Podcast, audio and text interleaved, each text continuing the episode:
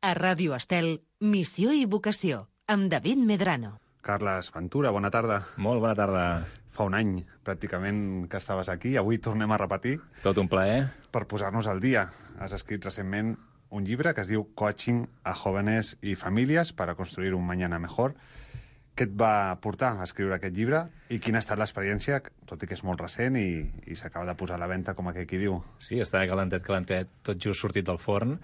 I el que em va portar aquest llibre és molt curiós, i és que quan jo fa 10 anys vaig començar en el món del coaching i volia treballar amb adolescents, famílies i joves, no vaig trobar cap llibre que realment m'ajudés a, a, a construir aquest coneixement, a desenvolupar la meva professió.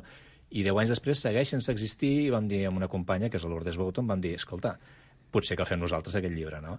I així ha sigut. Hem creat el llibre que a mi m'hauria agradat tenir fa 10 anys quan vaig començar amb aquesta feina. Uh -huh. Hi ha moltes persones que es dediquen a ajudar joves, a, a famílies també. Què fa en concret Carles Ventura, el seu dia a dia?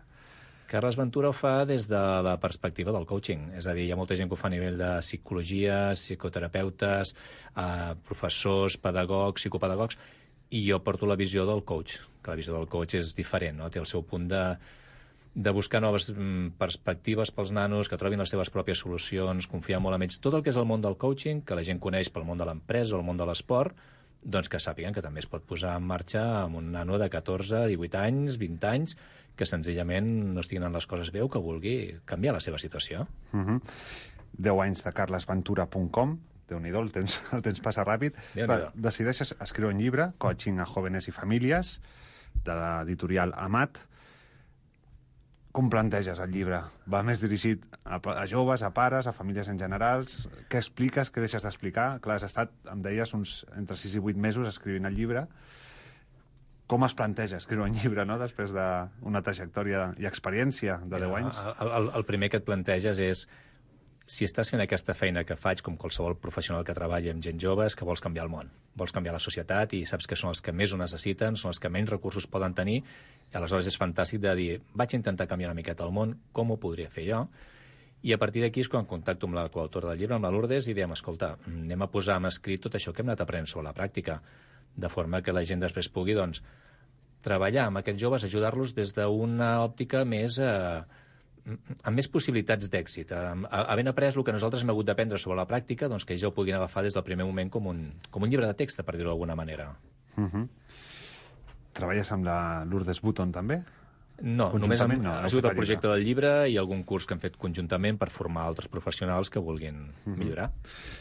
Eh, què destacaries del llibre o quins... És una espècie de guia al final, no? És com un manual, més o menys, per dir-ho d'una manera. Què destacaries? Quins Bé. consells destacaries? Jo et destacaria la primera part, que és una part molt... que pot servir també a pares, que el que ens ve a dir és com podem crear la relació amb la gent jove, que és molt, molt complicat per molta gent de pensar, ostres, jo tinc 40, 50 anys, m'he de relacionar amb un noi o una noia de 14, 15, 18 anys, com ho faig? I, i si m'equivoco? I si l'espifio? I com em relacionaré? Com faré perquè parli amb mi? Aleshores hem, hem fet una mica, hem creat una metodologia també, hem creat un model més conceptual de dir, escolta, si vols tenir una bona relació amb aquests nanos, què necessites? I el que et destacaria com a, també com a pare que ets tu és el primer punt, que és on trobo més, més carències en general, que és confia molt en el jove. Tenen tots els recursos, tenen la creativitat, són capaços de trobar les seves pròpies solucions. I t'ho dic perquè tenim molta tendència a sobreprotegir-los, que és un dels mals grans que tenim a la societat actual, i el meu primer principi en aquest tema del coaching és, si plau, ni que tingui 13 anys trobarà la seva solució. Potser no és la ideal, potser no és el que faries tu, però és una solució. I quan la posa en pràctica i veu que ha pres una decisió, la seva autoestima creix, s'atreveix a prendre més decisions i comença a madurar, que és el que tots volem, que els nanos madurin segons la seva edat. Uh -huh. Com a coach, ho has vist tot o ho has escoltat tot després de 10 anys? O cada any és nou, aprens coses diferents, et trobes en situacions que no esperaves, també? Cada persona és un món. Cada persona és un món, cada família és un, un entorn diferent i ens movem en un món amb moltes emocions, perquè el món de la família realment tot està hiperemocionalitzat, no? la relació és molt, molt potent. Aleshores, he vist de tot? No, he vist moltes coses, sempre falten coses, i hi ha coses que també preferiria no veure-les, però que a vegades te les trobes. Però mentre puguem fer el petit gra de sorra d'anar, com deia abans, canviant la societat, anar ajudant aquests nanos, no? Fa poc em contactava un pare per WhatsApp i em deia escolta, què tal, com estàs? Que sàpigues que m'ha aprovat la selectivitat del setembre i que he començat la carrera. Gràcies en part a tu, no? Clar, vulguis que no, per poc ego que tinguis, això t'alimenta, t'anima, i dius, val la pena la feina que estem fent. Estem ajudant a nanos que igual els hi ha costat més temps o que s'haurien quedat encallats, a tirar endavant, a tenir un futur, a tenir una vida molt més plena, coneixent-se millor, amb els seus valors, amb els seus... Mm, coneixent-se ells mateixos, que és el que els hi falta moltes vegades, també. Perquè generalment els joves o els adolescents es queden estancats? Més que estancats és que no es coneixen gaire. I a més el temps que vivim ara amb les tecnologies, les distraccions, la poca capacitat de concentració i atenció que estem desenvolupant tots, et trobes molts xavals que no saben qui són, ni on van, ni on venen. Que és normal en aquesta edat, però ara cada cop més perquè és molt més fàcil tancar-te en el teu món de l'instant, en el teu món de la tecnologia i tal, que no pas conèixer una persona en persona i parlar-hi i arriscar-te a no caure-li bé. Llavors és molt interessant poder-los ajudar a que es coneguin, coneguin els seus punts forts i socialitzin i relacionin normal i, i, i, i puguin brillar amb tota la llum que porten a dins. Uh -huh. Amb el temps, amb el pas del temps, que ha canviat més la figura dels pares, la figura dels fills? I com haurien de ser els pares del futur o com hauran de ser els pares del futur? Ui, espera, que són moltes preguntes. Els fills han canviat molt en quant que jo vaig començar fa 10 anys treballant molts temes d'autoestima i ara treballo molts temes de motivació en estudis. Hi ha hagut com un desànim general, jo crec que és fruit de l'època de crisi que hem viscut, de que eh, els hi cal una mica d'empanteta i de connectar-se una mica amb què realment volen i confiar que ho poden aconseguir. Els pares han canviat en què cada cop més seguim sent més, més protectors i amb la intenció d'ajudar-los i de facilitar-los una mica les coses, el que estem fent és que ells després a vegades no tinguin els recursos necessaris. I la tercera pregunta era com seria el pare ideal, com serien els pares ideals? O com haurà de ser el pare del futur? Mira, jo ho definiria molt fàcil, és el pare coach. Què vol dir això? Això vol dir un pare una mare que confia en els recursos dels seus fills, que saben que se'n sortiran, que els deixin agafar responsabilitats. Fins allà on marca la seva edat, eh? no, no cal anar molt enllà. Però sí que agafin les responsabilitats, que prenguin decisions, que s'equivoquin, que no passa res, que patiran, no ho podem evitar. Si tu, David, i jo som com som és perquè hem viscut coses a vegades millors, a vegades pitjors. Però fan falta aquestes pitjors també per créixer. Llavors, uh -huh. aquests pares del futur seran pares que confiaran molt més, que respectaran molt més, que no entraran en aquestes lluites de poders que a vegades et diuen els pares, no? Et diuen, ostres, és que clar, se sortirà amb la seva i es pensarà que ha guanyat. I a vegades entrem en unes guerres totalment inútils. Dius, l'important no és qui guanya o qui perd, l'important és que el nano creixi, prengui decisions i maduri. Llavors aquests pares han de ser una miqueta més, com deia, més pares coach, més pares de menys manar i més liderar a la llar eh, durant l'adolescència el teu fill o la teva filla durant un temps és com que deixa de ser qui havien estat fins al moment, no? és l'etapa on els pares els hi donen més ràbia al seu fill, una ràbia natural i humana, però de dir, estic tractant amb algú que fa un any potser era totalment diferent, era bueno, carinyós, és... atent... A... Clar, és que és una època de canvis. El primer canvi que han de fer ells és demostrar-se que són part del món dels adults. I si jo vull ser part del món dels adults, el primer que he de demostrar és que els altres adults ja no els necessito com abans. I forma part del seu creixement és lògic que hi hagi un desafiament. Ells han d'anar a buscar nous camins cerebrals, desenvolupar nous camins neuronals, de formar-se ells mateixos en, en aquest repte per veure fins on poden arribar. Que a veure, que els bons pares sabran marcar límits i veure fins a on es pot arribar i fins a on no. Uh mhm. -huh. Però sí que és important també doncs, això, que els nanos tinguin el seu desafiament, que vulguin canviar, que ens posin una mica contra les cordes, que també ens obliga a ser millors pares. Que ningú ens va dir que això fos fàcil. Sí, sí, totalment. Escoltem una cançó i seguim.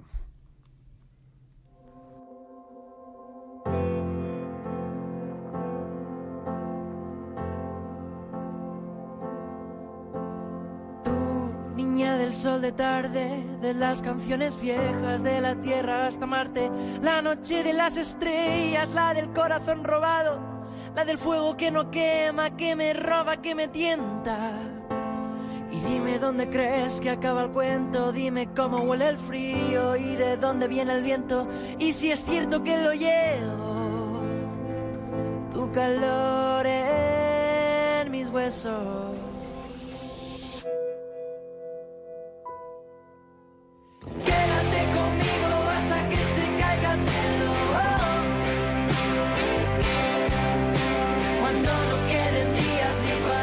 Doncs eh, Carles Ventura, coach des de ja fa 10 anys.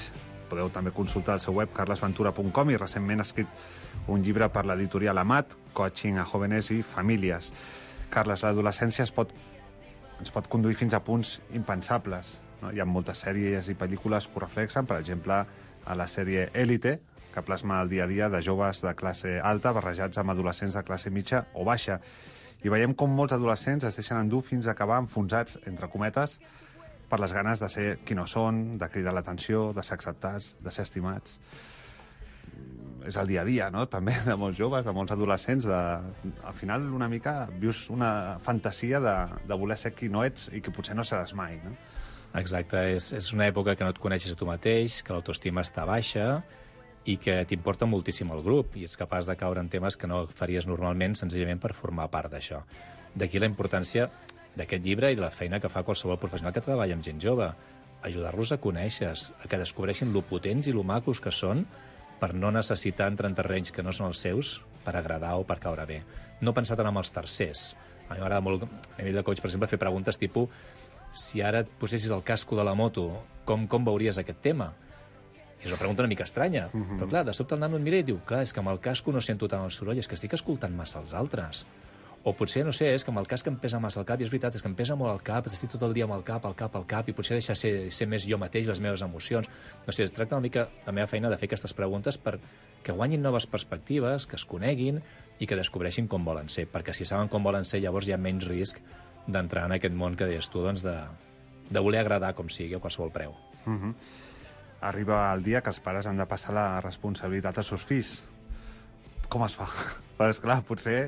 És que no és un dia, David, aquest, Clar, és, aquest és el aquest problema. és el tema. Clar, el, el tema és que no és arriba un dia que ja tenen 18 anys i ara té la clau Ja de casa, o té els 16 anys i té la clau de la moto. És que des dels 3, des dels 5, des dels 8, des dels 10 anys, ja poden anar a comprar el pa, ja poden col·laborar a parlar els temes de la família. No dic que prengui la decisió, no dic que un nano de 10 anys decideixi on anem de vacances, però sí que pot ser molt interessant sentir el seu punt de vista a l'hora de parlar un tema important per a la família.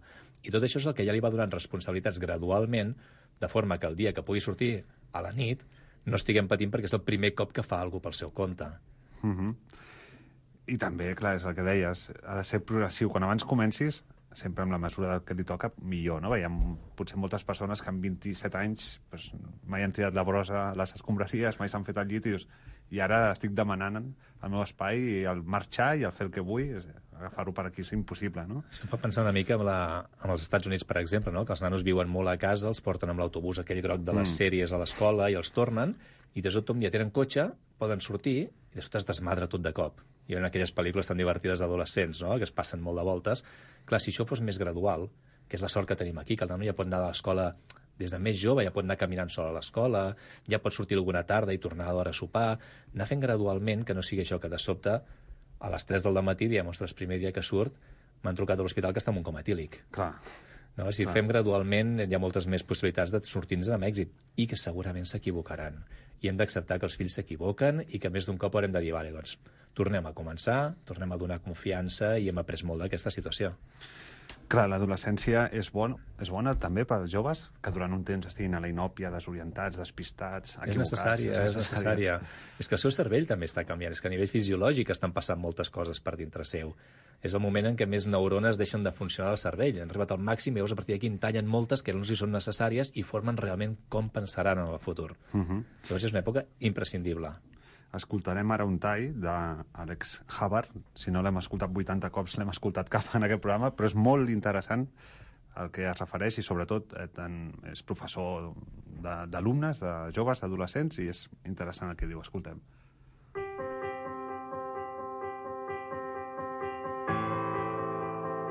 Es fundamental la misión personal.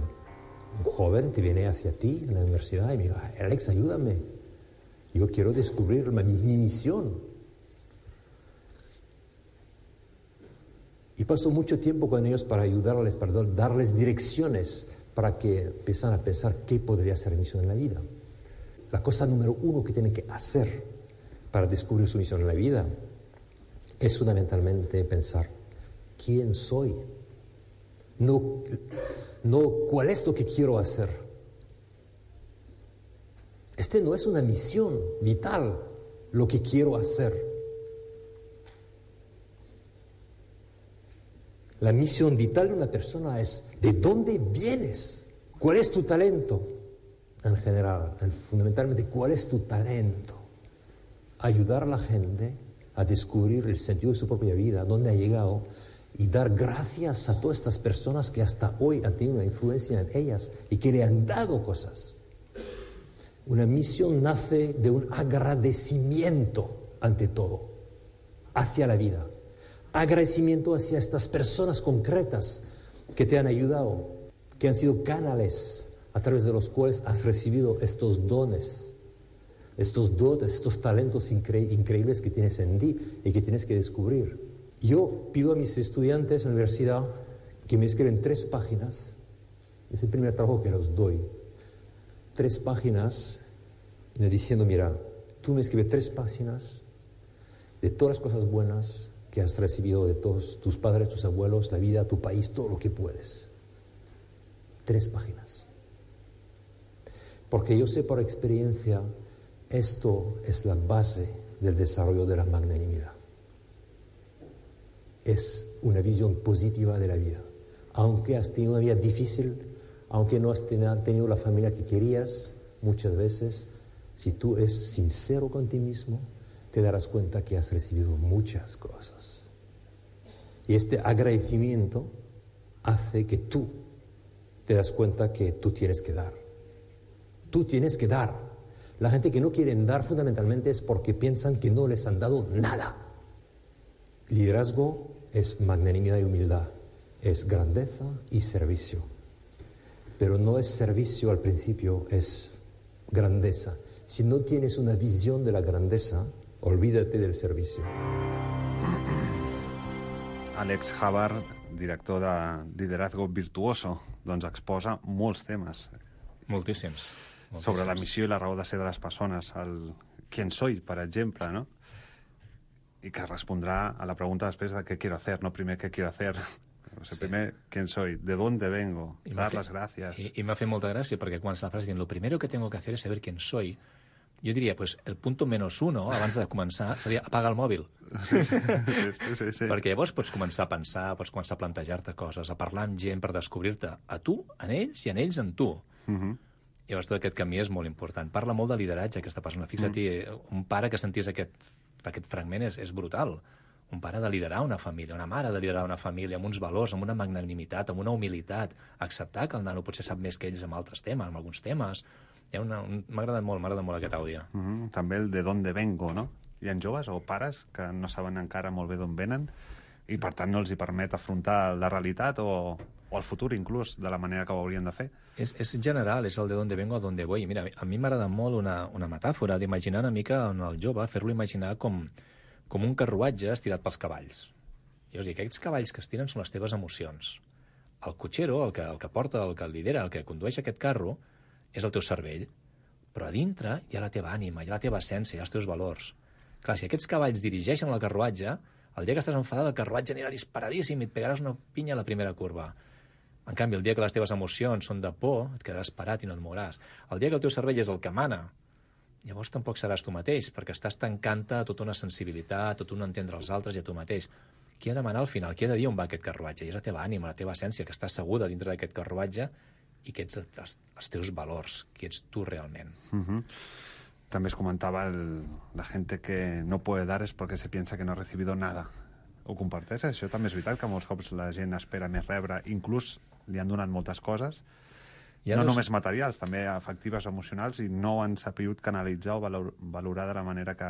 La perspectiva com a pares és que no ens valoren res del que els hi donem, que no mai en tenen prou, que sempre en volen més, i si en tenen dos en volen tres, i si tenen aquest iPhone volen el següent. I això està bé, i el seu dret és demanar i tal, i estaria molt bé valorar més les coses. Però jo crec que estem davant d'una generació molt generosa. I vas tenir 100.000 joves l'altre dia al carrer demanant per un planeta millor. Són una generació molt generosa que els agrada donar, que els agrada ajudar, que els agrada participar i que estan buscant la forma de fer-ho. I si els hi facilitem, jo crec que estan allà a punt, molt a punt. Per molt que a casa... Clar, pensa que a casa són diferents els nois. Els nois i les noies a casa és com si vinguessin d'un combat de boxe i l'únic que volen és seure al seu raconet i que els hi tirin la tovalloleta d'aigua fresqueta i els animin. Uh -huh. I llavors ells ja han lluitat tot el sant dia amb les extraescolars, amb l'escola, amb els professors, amb el món social, amb les xarxes, i a casa volen aquesta tranquil·litat. I clar, sembla que no valoren, sembla que no hi són, que no ens expliquen, que no sé què, però també necessiten el seu món una miqueta propi d'aïllament. Les, eh, les teves sessions o la teva manera de treballar, com funciona? Et vas amb un jove, per exemple, si et ve un jove de forma individual, aneu a aprendre alguna cosa? Com, quin procés hi ha? Quan dura més o menys? Anem al despatx, treballem una horeta, horeta i poc, i li faig moltes preguntes, i dibuixem, i ens movem per la sala... Normalment prefereixo en un despatx perquè si no les distraccions són molt grans i com deia abans tots ens distraiem molt, molt fàcilment I el coaching, la sort que té és que són processos molt més curts que la psicologia. També són diferents, eh? per que la psicologia és més terapèutica, el coaching és més de cap a on vols anar i com pots anar-hi, però normalment són processos bastant més curts que també treballen temes molt més concrets. Mm -hmm. eh, ens queixem molt també de, de que els joves, els nostres fills, els adolescents estan enganxats a les noves tecnologies, però els pares també estan molt enganxats a les noves tecnologies. A vegades no som exemple tampoc pels fills, no? Allò Gens. que dinant et sona el mòbil i l'acabes mirant de refilón, però l'estàs mirant o l'acabes traient damunt de la taula. No? La frase de els meus pares es queixen molt, però ells són els primers que són addictes, uh -huh. t'asseguro que se sent molt sovint a les sessions de coaching. I per això, com dèiem abans, és molt important que els nanos puguin prendre responsabilitat i participar en la gestió de la família. Per què no seure tots i decidir, decidir a partir d'ara, què us sembla? Què podem fer amb el mòbil? Perquè a ells també els hi molesta que nosaltres contestem al mòbil a mig parlar a la taula. Uh -huh. Aleshores, podem entre tots seure junts i dir, vale, a partir d'ara, doncs a les 9 del vespre deixem el mòbil tots a l'entrada i sopem sense mòbils. O només el mirem 10 minuts abans d'anar a dormir per contestar missatges i ja està. És molt important fer-los participar i que guanyin aquesta responsabilitat. Uh -huh. L'última, i ja ràpid, s'ha obert mercat en aquest sentit. Hi ha joves que l'únic problema que tenen és que estan enganxats al mòbil i d'aquí se deriven molts. Hi ha, hi ha casos eh, psicològics, hi ha psicòlegs que s'estan dedicant molt en aquest tema i és una, però és una constant que està en tots molt sovint. Uh -huh. eh, no a nivell patològic, però sí que està a tot arreu molt sovint. Molt bé, Carles Ventura, recordem el teu web, carlesventura.com, i recentment escrit Coaching a jóvenes i famílies, de l'editorial Amat. Gràcies per haver vingut. Moltes gràcies a vosaltres i si el primer dijous de novembre esteu disponibles, a la Casa del Llibre presentarem el llibre. A quina hora? A les 7 de la tarda. Molt bé, Carles, doncs moltes gràcies també als oients i a les vies de sol, Toni Huguet. Adéu-siau.